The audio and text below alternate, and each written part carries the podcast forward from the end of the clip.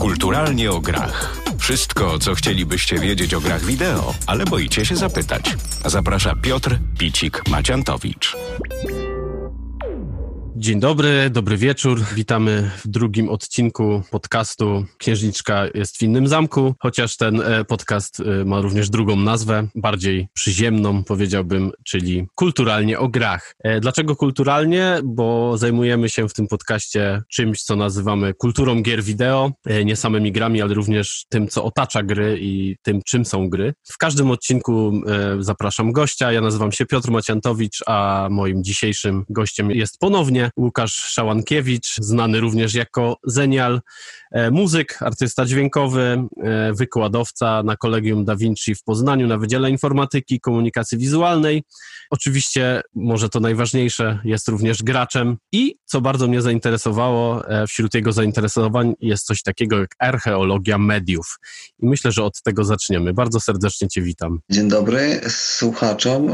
Tutaj Łukasz Szankiewicz, Zostałem przedstawiony, więc nie będę się rozwodził. Przejdziemy dalej do tematu. Rozumiem, że chciałbyś coś więcej wiedzieć o tej archeologii mediów. Tak, tak, zdecydowanie, bo to jest bardzo ciekawe zagadnienie, że w ogóle już mówimy o czymś takim jak archeologia mediów. No tak, jest to takie zjawisko badawcze, które się skupia na, dokładnie na dosłownie podejściu archeologicznym, e, w cudzysłowie oczywiście, do e, tych, e, mediów w kontekście fizycznym i wirtualnym. No, pewne rzeczy zostały kiedyś stworzone, wyprodukowane i już ich czas minął i mija, a ciągle są przydatne, ciekawe lub budzą e, sentymenty. Więc e, samoistnie zrodziła się pewna taka idea, żeby te rzeczy sprawdzać na nowo. I tym mniej więcej zajmuje się ta archeologia mediów, bo to jest oczywiście jakby definicja umowna o tym, co mówię. Także ja jestem właśnie w takim mm, nurcie, który jest trochę,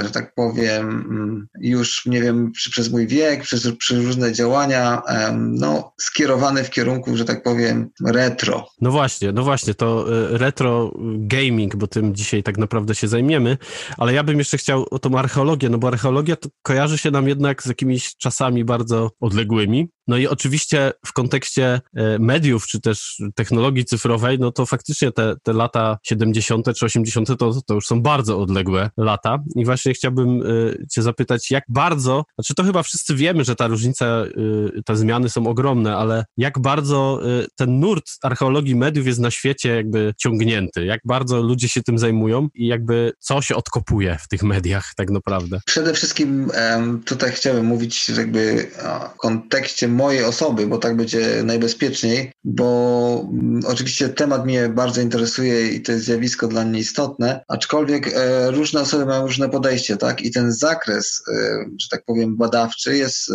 różnorodny, dlatego, że ja na przykład mam świadomość pewnych zjawisk, które były kiedyś ważne i ciągle są w obiegu, ale jakoś tak w harmonogramie czasu ich nie dotykam. Czyli tak naprawdę te wszystkie różnego rodzaju stare Sprawy, powiedzmy już z lat 50., jeżeli mówimy o komputery, czy gdzieś, e, jeżeli mówimy o programowanie, no to już tak troszeczkę mniej mnie pociągają, ponieważ nie mam albo dostępu, albo nie miałem, albo nie mam takiego sentymentu. Więc w moim przypadku to będą raczej końcówka lat 80. i całe lata 90., które już przeminęły, ponieważ to i po prostu znam to do tego się jeszcze odnoszę, jeszcze potrafię do czegoś nawiązać, coś sprawdzić, uruchomić i w tym całym nurcie oczywiście to nie chodzi tylko o gaming, no ale pewno będziemy w tej rozmowie do tego zmierzać, tak? No tak pokrótce jakoś myślę, że to dla kogoś będzie jasne, o czym mówię. Okej, okay. no więc retro gaming, bo to jest temat dzisiejszego odcinka. W skrócie to jest co? Pasja, hobby jakieś, które polega na tym, że ludzie po prostu grają w stare gry na starych sprzętach, ale co więcej można o tym powiedzieć? Bo co to znaczy stare gry, co to znaczy stare sprzęty? Jeżeli mówimy o starych sprzętach, to nie chodzi tylko i wyłącznie o gry, tylko właściwie o, o ten sprzęt, który te gry że tak powiem, można na tym sprzęcie uruchomić i te gry jakby aktywuje. Powiem, ze sprzętem starym jest tak, że on ma problemy z serwisem, e, to jedna rzecz. Z, z pewna wiedza z przeszłości zanika, więc tak naprawdę to jest duże wyzwanie mieć y, takowy sprzęt w domu. I to jest też podejście każdej osoby do tego sprzętu, ponieważ Tu uwaga, różnego rodzaju platformy komputerowe, które były kiedyś na świecie czy w naszym kraju, lepiej będzie, jak będziemy się puszczać na poletku naszym, mają pewną, pewną moc przyciągania, która się wiąże z silnej nostalgii. I tutaj jest ciekawostka, że e, te wszystkie platformy, na przykład 8-bitowe, Commodore, Atari, ZX Spectrum, Amstrad, tak, no to one mają fanów poświęconych tychże platformom, ponieważ dla nich um, sprzęt jest kultowy, tak? Sprzęt jako taki i system w środku jest kultowy. A na przykład dla PC-ów, które się ciągle rozwijają, modyfikują, tak naprawdę sprzęt jako taki no, jest sentymentalny, ale on nie jest kultowy według mnie. Kultowy jest system, na przykład stary DOS, pierwszy Windows, tak? No bo to jest jakby coś innego cała budowa, architektura się zmienia, ale niekoniecznie dalej mamy te desktopy. Także to jest cała taka otoczka dosyć duża, jeśli chodzi o te sprawy. I tu mówimy o, o takim podejściu właśnie tych osób, bo oczywiście ten sprzęt można kolekcjonować nie tylko do gier, w ogóle po prostu kolekcjonować, albo sprawdzać coś. Ja znam ludzi, którzy e, mają Atari ST i pracują na Atari ST, robią na nich wszystko, oczywiście też grają. Są też osoby, które robią podobne rzeczy na innych platformach, czy nawet próbują wysyłać maile lub to robią z Commodore C64. No, jest duży nurt takiego działania na tych platformach i wyciskania z nich wszystkich soków, że się tak kolokwialnie wyrażę. Oczywiście, co można robić na tych platformach? No, grać w stare gry lub nowe, bo na tych platformach robią się też cały czas nowe gry. Tak, o tym jeszcze porozmawiamy później, o tych grach, które wciąż powstają na te stare y, sprzęty. Ale też można wrócić do tematu tu coś się jeszcze można z tym jakby działa, podziałać, no to właściwie mówimy o tym, że nie trzeba mieć tego sprzętu, żeby grać w stare gry, bo można mieć emu, wszelkiego rodzaju emulatory tychże platform, na przykład na PC, są też emulatory sprzętowe, gdzie jest cała jest architektura, podpina się USB, ten komputer jest zupełnie innym komputerem niż był kiedyś, ale no łatwo go po prostu e, jakby teraz wykorzystywać. Są też takie programy, gdzie mają wszystkie emulatory każdego systemu danego komputera, wkłada się USB sticka i się na tym można dobrze, że tak powiem, e, pobawić, bo to jest trochę rodzaj zabawy, grzebanie w starociach i w innych systemach. To też wyzwanie oczywiście. Są też przeglądarki już gotowe, gdzie jest budowany DOSBox, taka nakładka na DOSa pod Windows, czy nawet na platformę Android. Można uruchamiać stare gry z lat 90.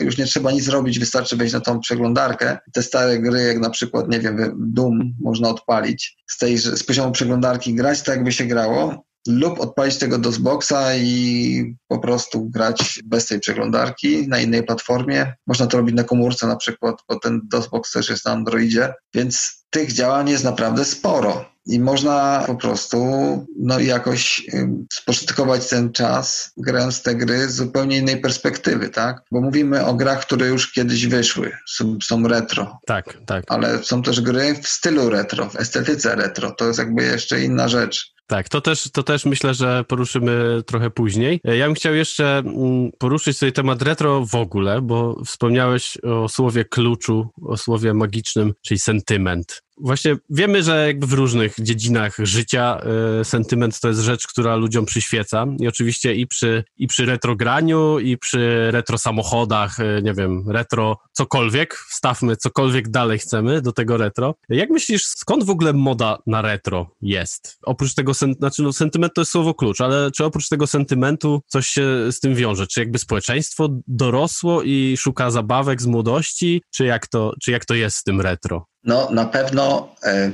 jak już wspomniany wielokrotnie, sentyment jest tu dużym punktem odniesienia.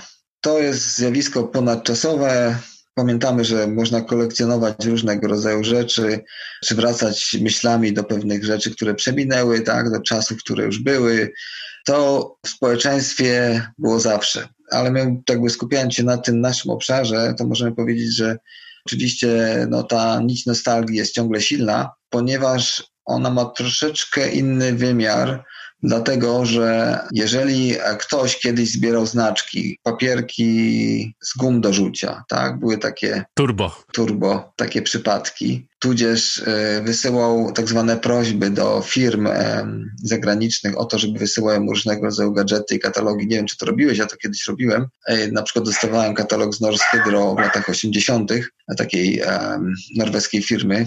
Zresztą było wysłać do Coca-Coli. No to, to był szereg takich zachowań, które się robiło w kontekście kolekcjonowania ale tu, tu było po prostu taki nawyk, żeby to robić i zbierać. Ale im starsze rzeczy, to było właśnie bardziej monety, bardziej znaczki, tak? To, to był zupełnie jakby trochę inny klimat, to można było się w tym wymieniać, ale też sprzedawać później, to nabierało jakieś wartości. To było zawsze. I w tym momencie mamy jakby taką, taką opcję komputerową, tak? Gdzie to się zaczyna dziać, pojawiają się te, że tak powiem, media, już w postaci fizycznych komputerów, mm, software'u, który na nich jest, gier, oprogramowania. Ludzie spędzają bardzo dużo czasu, więcej niż by kolekcjonowali znaczki, tak? No tak, no bo znaczki masz, wsadzasz do klasera i, i tam sobie raz na miesiąc obejrzysz, no.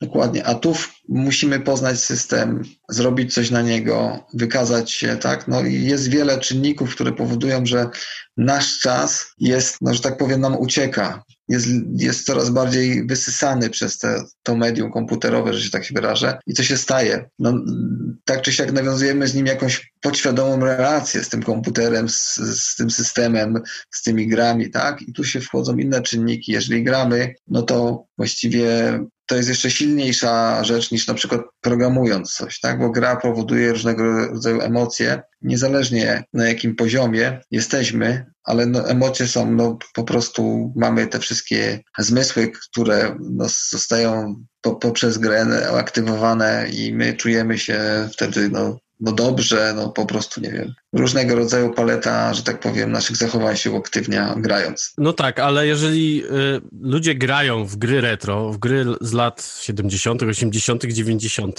rozumiem, że jakby jest zabawa, jest rozrywka, ale dlaczego nie grają w te nowe gry, tylko skupiają się całkowicie na tych właśnie starych? Ja, ja cały czas mówię o tym wątku, który poruszyliśmy wcześniej. Jak to się stało, że ludzie w ogóle przeszli do tego retro, tak? Dlaczego jest tak silne? Do, do tego jakby tutaj E, zaczęliśmy. Ja tu jakby tutaj ten temat e, drążyłem, więc e, tylko zakończę, no, żeby to tak podsumować, że to jest tak, taki impuls zjawiska, który według mnie poprzez gry, inne oprogramowanie, czy bycie w jakiejś takiej komputerowej, geekowskiej subkulturze powoduje, że, że, że, że, że te, ta nostalgia jest silna, tak? Że, że to później spowoduje, że ludzie bardzo szybko wrócą do tych rzeczy, tak? Albo będą wręcz tęsknić. A teraz przerzucając się do, do tej opcji e, jakby retro gier na nowo, bo mamy jakby dwa tutaj punkty. Punkt numer jeden to jest granie w stare gry po prostu i dwa, granie w gry, które są w retro estetyce. I teraz e, granie w stare gry to jest raczej grupa docelowa, która no, pamięta i chce poczuć te emocje jeszcze raz, albo z jakimś tam stopniu jest zbyt e, rozczarowana tymi dodatkami, tymi fajerwerkami i wiązanką, że tak powiem, wybuchów w cudzysłowie nowych grach, że woli tą estetykę, że tak powiem, bardziej limitowaną. I to jest jedna rzecz. Jeszcze są osoby, które badawczo grają w gry, bo się interesują na przykład no, tam archeologią mediów i chcą sprawdzić, jak to kiedyś wyglądało, albo są ludologami, czyli ludźmi, którzy się zajmują grami w kontekście naukowym, kulturowym, no i tam paru innych i chcą to zbadać, albo są to po prostu młodzi ludzie, którzy są po prostu ciekawi, jak to kiedyś było, ale to jest według mnie niewiele, niewielki jakby procent. No właśnie, bo, ci, bo, bo kwestia młodych ludzi i retro gamingu to raczej taki, nie chcę powiedzieć oksymoron, ale... Znaczy są osoby, które no, no, no, no widziałem, znam, które badają, no bo, bo są ciekawe, no ale to jest jakby w każdym społeczeństwie jest jakiś rodzynek, że się tak wyrażę, tak? No tak, ty użyłeś słowa badamy i to jest chyba słowo, kolejne słowo klucz w kontekście młodych osób, że oni bardziej badają. Badają, sprawdzają, o. Jak to kiedyś było, tak? A nie jakby, nie wiem, czy czerpią taką faktyczną radość z tego. Zaraz jeszcze przejdziemy do radości, bo to jest jakby, bo tam jest ten element w grach radości, tak? Bo to, to element radości, element przeżywania radości grając stare gry przez nowe oso każdą osobę według mnie. Są też takie retro meetingi, retro festiwale, gdzie są te stare konsole, stare komputery pokazane z tymi grami i zawsze są pełne i zawsze są pełne młodych ludzi. Oni po prostu grają, bo te gry stare są dobre. One mają wszystkie te, um, rzeczy, które powinny gry mieć, żeby przyciągać, tak? No tą zwalną grywalność, grywalizację, umie, umiejętnie są jakby stworzone, żeby no, miał dobry design, dobry dźwięk, w miarę na tamte możliwości dobry, no ale nie jakiś po prostu tragiczny, no przyciągający, tak? Yy, grafika w miarę ok, zależy o jakiej gry mówimy, jakim okresie, jakiej konsoli. No jasne. Ale to wszystko w jakiś sposób powoduje, że ta młodzież przeskakuje, bo ja kiedyś nawet miałem taką okazję zrobienia na PGA takiej, czy tam produkowania takiej wystawy poświęconej starym grom. I właśnie chyba nawet może kojarzysz, bo to robiłem tak, ze Tak, byłem, byłem było, tam, no, byłem no tam, ja grałem to, w te gry. No, no, no to ja to wszystko robiłem. Tam było zupełnie inaczej, no. Generalnie fala ludzi, która po prostu przechodzi, ale część młodych zostaje. Więc jakbym tutaj młodych jakby nie odcinał od tych gier jako takich, bo nawet mój ostatnio kolega zrobił w Sanoku taki przegląd starych gier i miał cały, i miał sukces. No, małe miasto podkarpackie, z którego notabene podchodzę, pochodzę, dlatego to zawsze mówię, reklamuję, ale jest tam taki człowiek, który ma mój kolega największą ilość sprzętu retro wydaje mi się w Polsce. Więc on zrobił ostatnio, tam rok temu, ja mu tam robiłem jakiś dźwięk do reklamy tego wydarzenia, mniejsza z tym, e, no i mówił, że, że sukces, że, że starzy i młodzi, bo to wie, to jest jakby taka trochę familijna atmosfera, że tato czy tam mama pokazuje, jak grała kiedyś, dziecko się, że tak powiem, do tego odnosi, wkręca w cudzysłowie. Więc to z tym retro to jest dosyć szeroki temat. Jeśli chodzi o to, to zjawisko sprzętu, gier, ale tak jak mówię, to jest wycinek ludzi, którzy bada czy sprawdza, bo, bo być może te osoby po prostu już nigdy do tego nie podejdą, rozumiesz? Bo musieliby taki sprzęt mieć, musieliby do tego wrócić, musieliby znać składnie poleceń na wiele rzeczy, nie? No tak, ale wspomniałeś o tych emulatorach, które są tutaj furtką do tego, żeby właściwie grać na dowolnym sprzęcie w stare tytuły, więc jakby... Tak, dlatego, dlatego jest po prostu łatwiej, no bo, bo to byłoby szaleństwo mieć taki sprzęt w domu i, i albo wiele takich sprzętów i, i, i tym operować, więc to jest łatwiej dla ludzi, którzy są w tym temacie, albo też dla tej powiedzmy młodszej części graczy, która by chciała to poczuć lub sprawdzić. Więc tutaj jest jakby temat e, taki troszeczkę zawieszony, bowiem e, gry nowe w retroestetyce to jest troszeczkę zupełnie inne podejście. No zupełnie, tam już, już mechaniki są bardziej skomplikowane, już ten gameplay tak, jest zupełnie tak, inny. one jako, jako, jako takie mają troszeczkę inną rolę, że tak powiem, jeżeli chodzi o tworzenie, bo kiedyś się robiło grę, pisało się kod, no w, czasem na czysto w języku C++ w assemblerze po prostu, a tutaj mamy zupełnie nowe silniki z typu Unity, Unreal, które zupełnie inaczej i łatwiej bym powiedział niż kiedyś te gry. Więc kończę ten wątek, bo jakbyśmy chcieli przejść do retroestetyki i tutaj jest w ogóle, mam taką teorię, dlaczego ci ludzie w ogóle weszli w to i dlaczego tak jest. I... To za moment, bo jeszcze mam tutaj jedną kwestię. Krótka sprawa. Kiedy gra staje się retro? Czy to jest kwestia czasu? Czy to jest kwestia y, jakiejś generacji sprzętu we współczesnych czasach? No bo przecież, nie wiem, PlayStation 1, pierwszy PlayStation, czy pierwsza, czy ta pierwsza nowa konsola Nintendo, czyli GameCube, czy jak Sega Saturn, czy te, tego typu e, konsole, to już jest przecież retro chyba. Tak mi się wydaje. Czy jeszcze nie? A to jest dobre pytanie i chyba każda osoba, która się tym interesuje, by pewno inaczej na, to tema, na ten temat udzieliła odpowiedzi. A dlaczego? Dlatego, że to jest, wydaje mi się, oczywiście, to jest jakby naturalne, że to jest pewna kwestia czasowa, tak? Że się w pewnym momencie coś kończy, musi odstać i staje się retro. Tylko teraz dla niektórych to retro będzie bardziej retro, dla niektórych mniej, tak? Ile jest retro, jakaś zawartość retro w retro, tak? Tak. Ja teraz mam pytanie sam do siebie, co dla mnie jest tym retro? Ja no właśnie, no mogę właśnie. Powiedzieć, to... Mogę powiedzieć tylko taką historyjkę z wykładów, które miałem chyba rok temu, gdzie na wykładzie mówiąc o Atari, Commodore i Amidze, nagle zauważyłem, że studenci patrzą na mnie jak jakimś bym mówił o, dla nich o, o dinozaurach. średniowieczu przynajmniej, albo może z jakiejś starożytności, no nie wiem. I ja się złapałem, że chyba coś tu nie gra, że ja mówię do nich tak, by to było wiadome, o czym wszystkim chcę powiedzieć. I nagle się złapałem, mówię, słuchajcie, proszę Państwa, czy ktoś z Państwa kojarzy komputer Atari? Nikt byłem przerażony, bo Atari w sumie jest znaną nazwą. Może firmę Atari ktoś kojarzy, bo to przecież też tak, wydawca firmę gier. w miarę, w miarę, w miarę ktoś tam się ruszał i coś bąkał, ale o sam komputer 8-bitowy to było, czy nawet Atari ST to była czarna magia. Potem Amigę nikt, w końcu jakaś osoba podniosła palec, mówi, że w sumie brat miał. No i doszedłem do wniosku, że to jest, dla nich retro to jest coś innego Dla nich retro to są te wszystkie konsole, które już dla mnie nie były, były nowe wtedy, kiedy było moje No retro. tak, ale już nie są prawda? Nie są. Już, I dla nich są już to, dla nich to już jest retro. A to, co mówię, to jest już w ogóle starożytność. No właśnie, bo ja miałem na przykład taką sytuację, no dobre kilka lat, a może i 10 lat temu, grałem na emulatorze właśnie w Pokémony i emulowałem sobie Game Boya pierwszego i to było dla mnie retro gaming już właśnie. To, to było takie, że no sprzęt jakiś tam, że już nie wiem, były gry pokroju Quake 2 czy 3 nawet może, a ja tutaj sobie w Pokémony gram, gdzie pixel goni pixel, no także to była dla mnie taka już naprawdę retro retro granie. No i się właśnie zasta zastanawiam właśnie, czy, czy, czy faktycznie jest tak, jak mówisz, że, że tak naprawdę pojęcie retro zależy od wieku człowieka, który wypowiada to retro. W sensie, że tak jak mówisz ty, czyli dla ciebie retro to Atari, Commodore,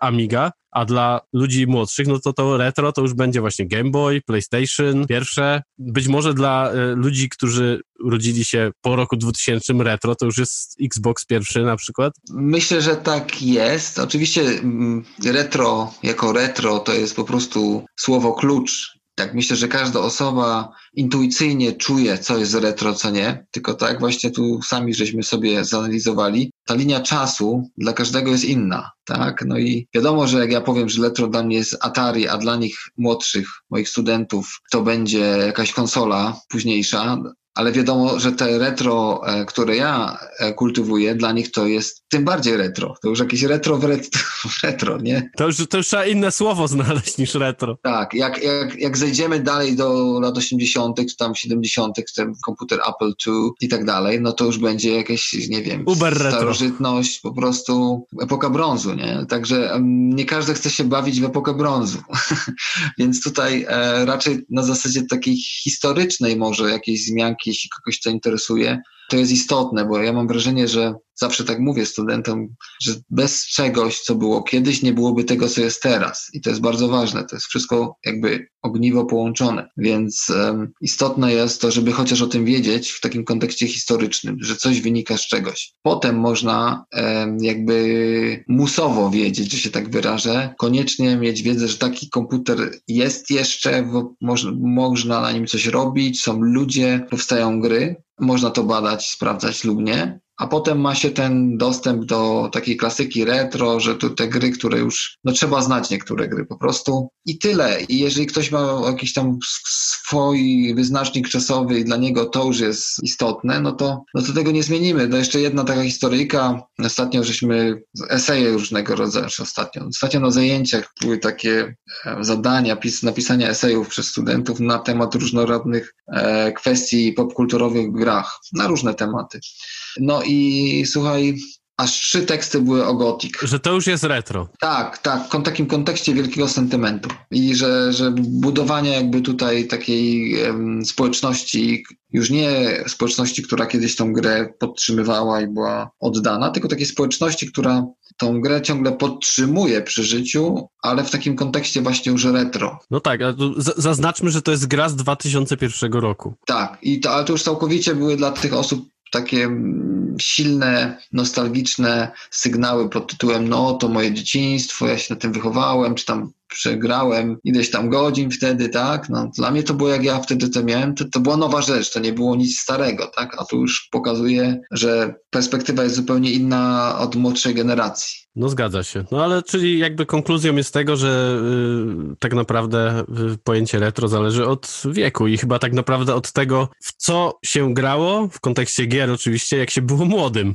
Po prostu. To jest retro dla nas. No tak, tylko tu trzeba ten, tą linię czasu tak umiejętnie, że tak sprawdzać, bo nie każdy, no tak. nie każdy jest tak, yy, nie każdego jest retro, naprawdę to są, to jest taka płynna linia, no ale myślę, wydaje mi się, że intuicyjnie to widać. Yy, dobra, słuchaj, bo tą, tą, tą modę na retro, ten, ten, ten nurt retro yy, widzimy też w kwestii, nie wiem czy nazwać to kwestią biznesową, czy wreszcie wielkie firmy, że tak powiem, się zorientowały, że ten sentyment jest taki wielki, bo przecież zostały wydane ostatnimi czasy w tamtym roku, czy dwa lata temu, yy, różne reedycje konsol właśnie. Powstało yy, Super Nintendo, Mini Classic, yy, PlayStation 1 Classic, czyli rzecz, którą po, podłącza się przez HDMI po prostu do telewizora i już i się gra w stare tytuły. I to jest bardzo ciekawe, że y, one są oczywiście tam jakoś zremasterowane, żeby jakoś wyglądały na tych, na tych nowych wielkich 4K telewizorach, ale to, to też jest ciekawe, że, że ten nurt, mam wrażenie, po prostu y, rośnie w siłę. No i też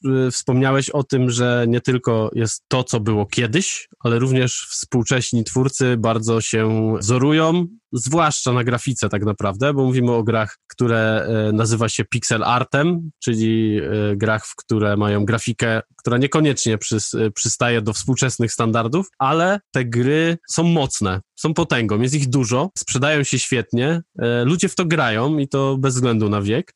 Jak myślisz, dlaczego ta pikselowa y, grafika, ten pixel art jest taki popularny teraz? No bo z jednej strony możemy to oczywiście zrzucić na ten sentyment, ale myślę, że nie do końca, bo nie każdy ma sentyment do tego pixel artu, y, więc dlaczego tych gier powstaje tak dużo? To pierwsza rzecz, a druga, bo te gry są też wylęgarnią często pomysłów, bardzo ciekawych pomysłów na to, w jaki sposób można rozgrywkę poprowadzić. No i właśnie, i dlaczego pixel art jest teraz tak popularny? Znowu trzeba użyć tego słowa sentyment, bo ten gracz standardowy, który ma 34 lata, tak, no to po prostu trafi um, coś, w coś zainwestować, jeśli chodzi o jakiś nowy tytuł. Jeżeli będzie ta gra, która mu się kiedyś kojarzyła z czymś, co było fajne, lub tej estetyce, którą pamięta, no to on wyda na to pieniądze. To jest jeden z jakby z elementów tutaj tej układanki biznesowej. Dwa, ci ludzie, którzy grają, którzy są młodzi i tak mówisz, no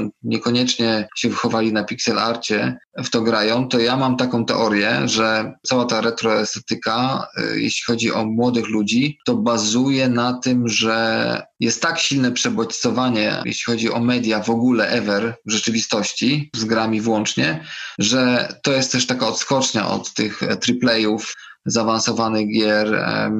Tu jest coś takiego, że okej, okay, no to wracamy do, do tego, jak było kiedyś. I to jest też fajne, tak? To jest troszeczkę tak, jak, jak młodzi ludzie kolekcjonują winyle, nie mając odtwarzaczy winylowych czy kasety. Są takie, że tak powiem, e, trendy nie mając tych kaset, a, a kupując nagrania po prostu cyfrowe, tak? Mając to w chmurze, ale mając to, to, to fetyszystyczne kolekcje w domu. Więc e, tutaj jest ten taki moment, okej, okay, no gram, bo jestem tak przebodźcowany, a to jest fajne, tu też starsi ludzie grają, o tym się mówi, o tym się pisze. Na przykład jak weźmiemy taki magazyn Pixel, akurat o tym mówię, no to tam spora część dziennikarzy jest siłą rzeczy starsza i jakby ten nurt wspiera, tak? Z różnych powodów, głównie sentymentalnych to po prostu się tylko napędza. Młodzież widzi, ok, tu są cały czas wydawane gry, recenzuje się to. Myślę, że to jest takie koło napędowe, bo tak mówisz, tam też jest dużo pomysłów, więc y, jak nie grafika, estetyka, to pomysły i to jest e, taki troszeczkę samograj. A uważam, że to cała ta fala retro bierze się tylko z tego, że w tych czasach, co teraz mamy, jest po prostu przeładowanie dosłownie bodźców wszelakich, wszelkimi mediami. Jest po prostu wszystkiego za dużo, za szybko i za łatwo i po prostu ja wiem, że ludzie się przyzwyczaili, że tak jest, ale kiedyś tak nie było, kiedyś te bodźce u nas były limitowane, więc to jest cała procedura, dlaczego tak się dzieje. Jeszcze wracając do tego, co młodzież w tym widzi, no to wydaje mi się, że to jest też taki rodzaj um, grania w gry e, w kontekście, bo te gry mają, że tak powiem, jeżeli nie mają tych walorów estetycznych, e, graficznych, takich jest w to mają klimat, tak? One budują fajny klimat, pracują się z wyobraźnią, no bo w triplayach to już wiadomo, że jeżeli nie ma cienia trawy gdzieś tam na zewnątrz, czy pada słońce, nie odbija się od liścia, no to już jest niefajna gra, tak? No przyzwyczajono nas do tego, że w dużych grach ma być wszystko. Prymat grafiki nad, e, że tak powiem, kontentem. Tak, i się, i się niekoniecznie za, za, zastanawiać nad kontentem, tak? Więc tutaj jest jakby takie większe pole do popisu. No i też budżetowo zrobienie takiej gry to jest troszeczkę inny kontekst i też e, cena jest inna oczywiście z takiego studia. Więc to wszystko jakby w biznesowej układance to ma jakiś tam sens. Myślę, że to, co powiedziałeś a propos tego, tych kosztów produkcji takiej gry, no to, to, też jest, to też jest tutaj ważne. Przecież e, grafika, no to jest, podejrzewam, że w wielkich studiach to, to są setki ludzi odpowiedzialne za to, żeby zrobić e, grafikę w takiej grze, dużym tytule.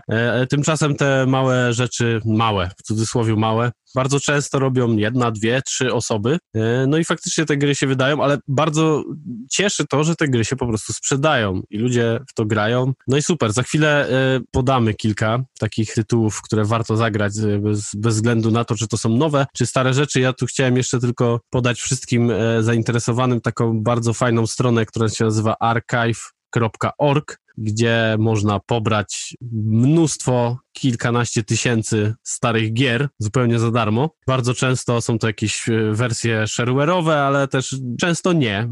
E, one na pewno jeszcze nie przeszły do domeny publicznej, więc nie wiem jak tam z legalnością tych gier, ale e, myślę, że, że, że na pewno na pewno warto tam zajrzeć, bo jest tam naprawdę mnóstwo, mnóstwo tytułów, które warto pograć. Kolejną rzeczą, którą chciałbym tutaj zahaczyć, to jest też coś, o czym już mówiłeś, czyli o grach nowych, które powstają wciąż na stare sprzęty. Domyślam się, że to jest jakaś nisza już absolutna, e, ale czy takie gry mają wciąż odbiorców? Czy wszyscy, którzy interesują się retro sprzętem, retro grami, grają w nowe tytuły na Atari na przykład? Nie wiem, chyba nie, ponieważ to jest troszeczkę taki challenge, który zaobserwowałem, e, że po prostu jest że mam paru e, kolegów, którzy takie gry e, tworzą i mało tego, znajdują wydawców. Ci wydawcy są po prostu niszowi oczywiście, ale one są ładnie wydane, no tak mówię, w plikach cyfrowych, ale główny nacisk jest położony, żeby były wydane tak kiedyś, czyli wydają je na kasetach lub na dyskietce, tak kiedyś się wydawało, z profesjonalną okładką. W jakimś tam limicie, nigdy nie, nie, nie pytałem się, ile to jest sztuk, ale no powiedzmy, no nie wiem, wymyślam 100 kopii, może więcej, ale też są osoby, które w to grają, ale nie myślę, że cała tak sfera retro gra w te gry. Tutaj myślę, że może jakby oddaję cześć tym twórcom, bo jeżeli można przekonwertować to na, na, na, na jakąś jako przeglądarkę, tudzież jakiś, jako, jakiś emulator, no to na pewno znajdzie jakichś odbiorców, ale to nie jest wydawanie gier dla biznesu. Przynajmniej takich, na takich starych sprzętach. Nie, no jasne, to jakby nawet nie, nie pomyślałem i nie podejrzewałem o tych twórców o to, żeby to robić dla pieniędzy. Być może niektóre gry się zwracają, być może niektóre gry mają mikrosukces i zarabiają, ale generalnie raczej nie. To jest też taki challenge programistyczny, który podchodzi od troszeczkę taką nerdowską, że się wyrażę, subkulturę, która zwie się demosceną, tu jest temat rzeka. To jest trochę połączone z tym zjawiskiem, demosceną. Okej, okay, to jest faktycznie temat rzeka, więc nie wchodźmy w tą rzekę nawet bo się możemy utopić jeszcze. Słuchaj, no jakby myślę, że to już jest ten czas, żeby polecić, e, czy też opowiedzieć o kilku tytułach, które warto sprawdzić. Myślę, że możemy zacząć od tych starych rzeczy. Co możemy polecić, zwłaszcza młodym odbiorcom? Co warto pograć z takich retro rzeczy? Oczywiście to wszystko, co, co będę mówił, to najprawdopodobniej można znaleźć, bo o tym chyba nam jakoś to uleciało na Gogu. Tak, warto wspomnieć, że GOG to jest skrót od Good Old Games, także chyba jakby twórcy tego serwisu, notabene polskiego serwisu, bo przecież CD Projekt jest twórcą tego serwisu, oni chyba na początku mieli trochę inny, inne założenie, dlatego nazwali to Good Old Games, a teraz to już jest taka platforma, y, która walczy gdzieś tam ze Steamem, Epic Games Storem i wieloma innymi, ale no jednak jest to Good Old Games, więc faktycznie tam można te tytuły zakupić. Jeśli chodzi o starsze rzeczy, które warto odkryć, czy to przez GOG, czy przez DOSBoxa, tudzież przeglądarki, jeśli się taka gra trafi, no to z mojej perspektywy, jak tak myślę, to tych gier jest bardzo dużo i żeby tu nie zarzucać yy, tytułami. Zróbmy tak, że każdy z nas rzuci trzy takie że trzeba w to zagrać. No będzie to Prince of Persia najprawdopodobniej. To jest gra zręcznościowa, która właściwie gdzieś tam kiedyś stanęła, ale była taką w tych czasach grą, gdzie naprawdę się fajnie grało, jeśli chodzi o te elementy e, platformowe i zręcznościowe. E, ona była wydana w kilku platformach. Ja zawsze tą grę lubię jakby wspominać. Ona jest dobrym przykładem, jak w tych czasach myślono o grach i na przykład książę Persji jest blondynem, biega po platformach z siwą głową, ale już w drugiej części już ma turban, bo ktoś się kapnął, że książę Persji i że w pierwszej części bodajże jeszcze chyba jest mowa o sułtanie, a w drugim już nie, bo sułtan to jest nie władca Persji, bo władcą Persji jest szach. Od takie. To są takie dodatki, które tam później wychodzą. Tak,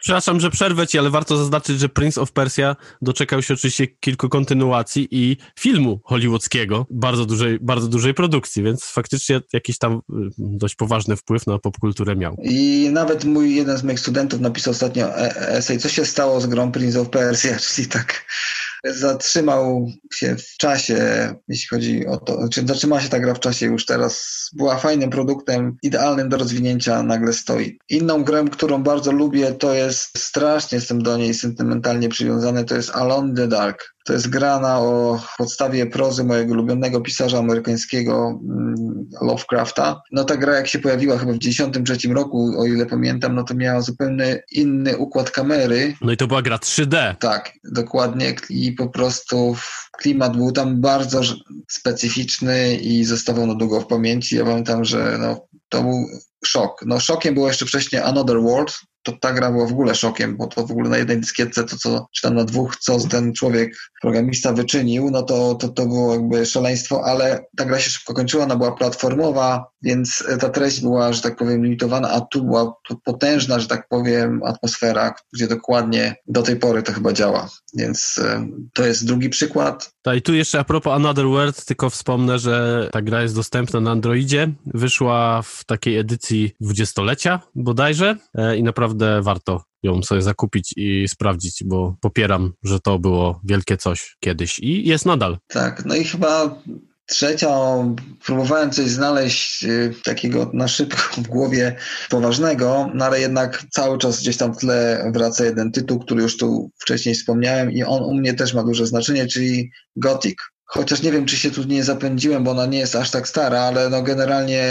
2001 rok, 20 lat już. No, no to możemy powiedzieć, że jest w retro, dostała łatkę, spoko. No jest to bardzo fajna gra, która y, też dużo pozmieniała, bo nagle pojawił się otwarty świat, który był bardzo interaktywny, wiele, że tak powiem, różnych przygód, eksploracja tego uniwersum. No, generalnie mnie to bardzo wciągnęło. Ja nie, nie pamiętam, że było dla mnie to dosyć dużym zaskoczeniem, że jest taka gra. Oczywiście to, to jest tylko przykład tych gier, bo one były też inne. Oczywiście. Ale akurat ta jakoś yy, darzy duży sentymentem. W ogóle w Polsce jest kult gotika. Jest, jest ba bardzo duży. To jest też gra, która żyje cały czas. W ogóle Polacy mają do siebie, że zawsze są fanami e, Blizzarda, psychofanami Wiedźmina, no i właśnie gotika więc ja do nich też jakoś tu należę. Podaję tutaj pałeczkę. Jeżeli chodzi o mnie, to ja też mam kilka takich, oczywiście mógłbym wymieniać tutaj pewnie przez 14 godzin. Pierwsza rzecz to Monkey Island, czy też Legend of Monkey Island, czyli gra przygodowa firmy LucasArts, która od tego samego Lucasa, który stworzył Gwiezdne Wojny, w swoim czasie firma LucasArts robiła najlepsze przygodówki na świecie, kropka. I Monkey Island to jest, no jakby przykład świetny tego, świetny humor, bardzo fajna grafika, jak na ówczesne czasy, świetne postaci.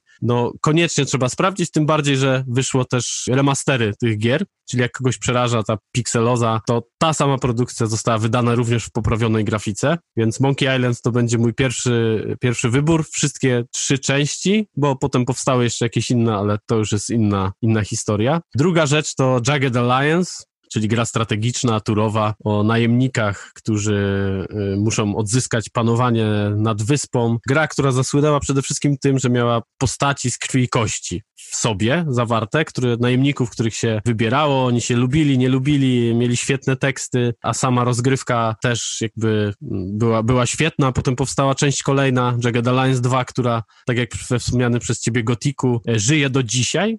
To jest też gra z 99 roku bodajże, a wciąż moderzy y, udoskonalają tą grę. Wciąż te, to środowisko graczy, którzy to Jagged Alliance wspierają, y, jest bardzo duże. No i trzecia rzecz, y, to jest bardzo, znaczy nie wiem, ty na pewno znasz ten tytuł, ale zastanawiam się, czy ktokolwiek, znaczy na pewno ludzie to, to znają, ale taka gra, która nazywa się Elektrobody, która po prostu moją młodością zatrzęsła wręcz, grałem w to namiętnie. E, to zdaje się jest też polska produkcja, jeżeli się nie mylę. Tak, polska produkcja z Rzeszowa i okolic. Tak, to jest y, y, gra, która jest typową platformówką, w którym chodzi się takim ala y, Robocopem. Ja sobie zawsze, zawsze myślałem, że to był Robocop, jak byłem mały, y, jak grałem w tą grę i po prostu tam zbierało się bronie, właściwie upgrade'owało te bronie. Szło się w jedną stronę cały czas. Nie, chyba można było cofać. Nie pamiętam dokładnie, ale mam wielki, wielki sentyment do tej gry i zdecydowanie polecam, bo też na pewno jest gdzieś dostępna. Wystarczy wpisać elektrobody. Tylko ci się wtrącę, że ostatnio miałem takie spotkanie ze znajomym, który no, też zajmuje się takimi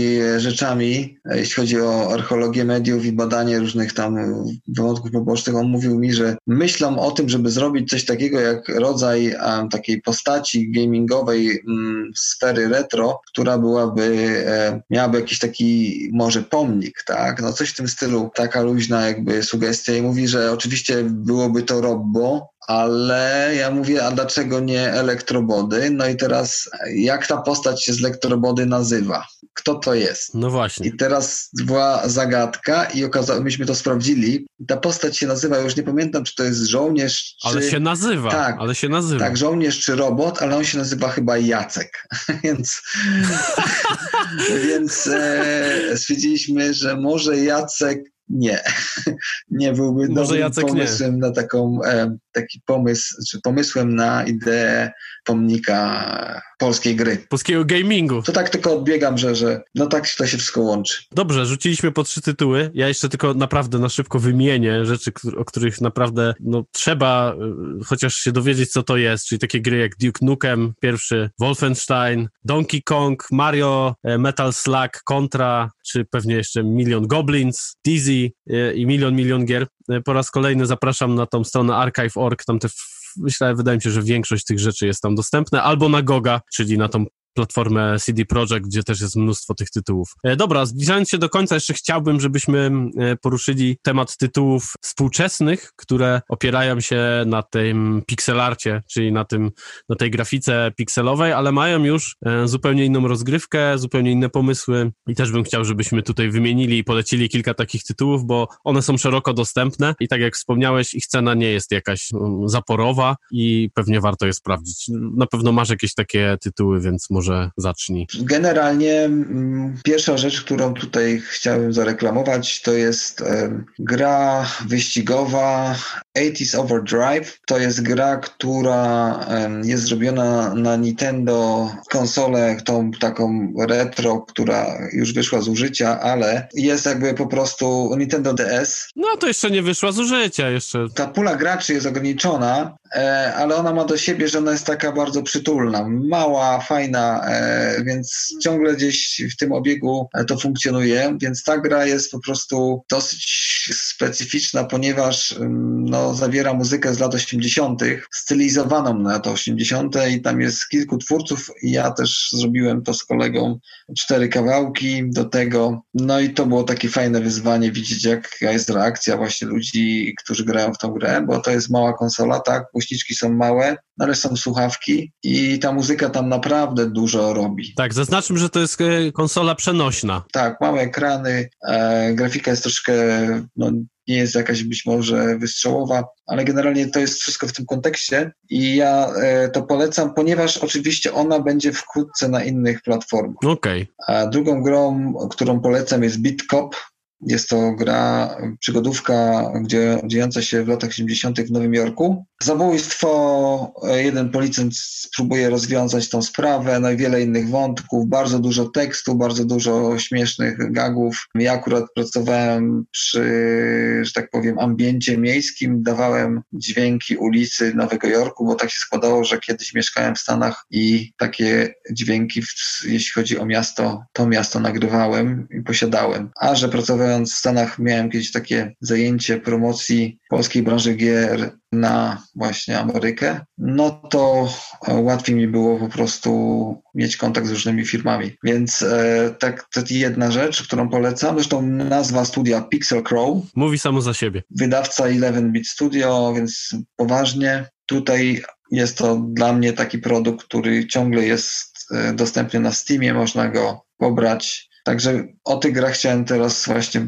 powiedzieć, e, że brałem udział i ostatnią grą, którą jeszcze jej nie ma, ale którą śledzę i nie, nie wiem, czy będę brał przy niej udział, to też jest gra studia właśnie Pixel Crow, Total Alarm. Ona się dzieje w bazie kosmicznej, jest taka troszeczkę futurystyczna. W każdym razie ja widzę, widziałem całkiem niedawno takie jakby przebłyski tego, co się tworzy i tylko chciałem ją zareklamować, że, że po prostu ten Total Alarm e, no wkrótce się pojawi i może coś namieszać. Jeżeli ktoś lubi takie przygodówki w kontekście właśnie science fiction. E, ja podpisuję się pod Bitkop, zdecydowanie. E, bardzo, bardzo fajna, zabawna, ciekawa produkcja. A jeżeli chodzi o moje jakieś typy, no to ja zacznę od gry Papers, Please, czyli gry bardzo, bardzo poważnej, która polega na tym, że jest się celnikiem na granicy dwóch fikcyjnych państw. W jednym toczy się wojna, drugie jest państwem totalitarnym. W każdym razie odpowiadamy za to, kogo przepuścić przez tą granicę, a kogo nie przepuścić przez tą granicę. Tam się pojawia mnóstwo takich logicznych e, zagadek, często na czas. To nie jest ważne, chociaż jest to dosyć wysilające, że tak powiem, e, umysł, ale coś, co tej grze mnie najbardziej urzekło, to to, że nasze wybory mają wpływ na ludzi i często, znaczy na postaci z tej gry i bardzo często to, że postąpimy dobrze, czy też właściwie, zgodnie ze swoim sumieniem, gra nas wcale za to nie nagradza, a wręcz karze nas za to. I jakby to jest y, rzecz, w którą na pewno warto zagrać. Tytuł jest, tytuł jest dość głośny na świecie, był raczej, bo to gra już kilkuletnia, e, ale zdecydowanie e, polecam. Papers, Please. Druga rzecz, mniej poważna, ale bardzo satysfakcjonująca. Tytuł nazywa się Dead Road to Canada. To jest taki gra o zabijaniu zombie w, w skrócie, ale e, bardzo trudna przede wszystkim, a druga rzecz to ciekawa rozg rozgrywką, bo jest, jesteś chłopkiem, który zabija zombie, ale musi zbierać różne bronie, przeczesywać różne supermarkety, jakieś apteki. No generalnie świat spustoszony przez zombie.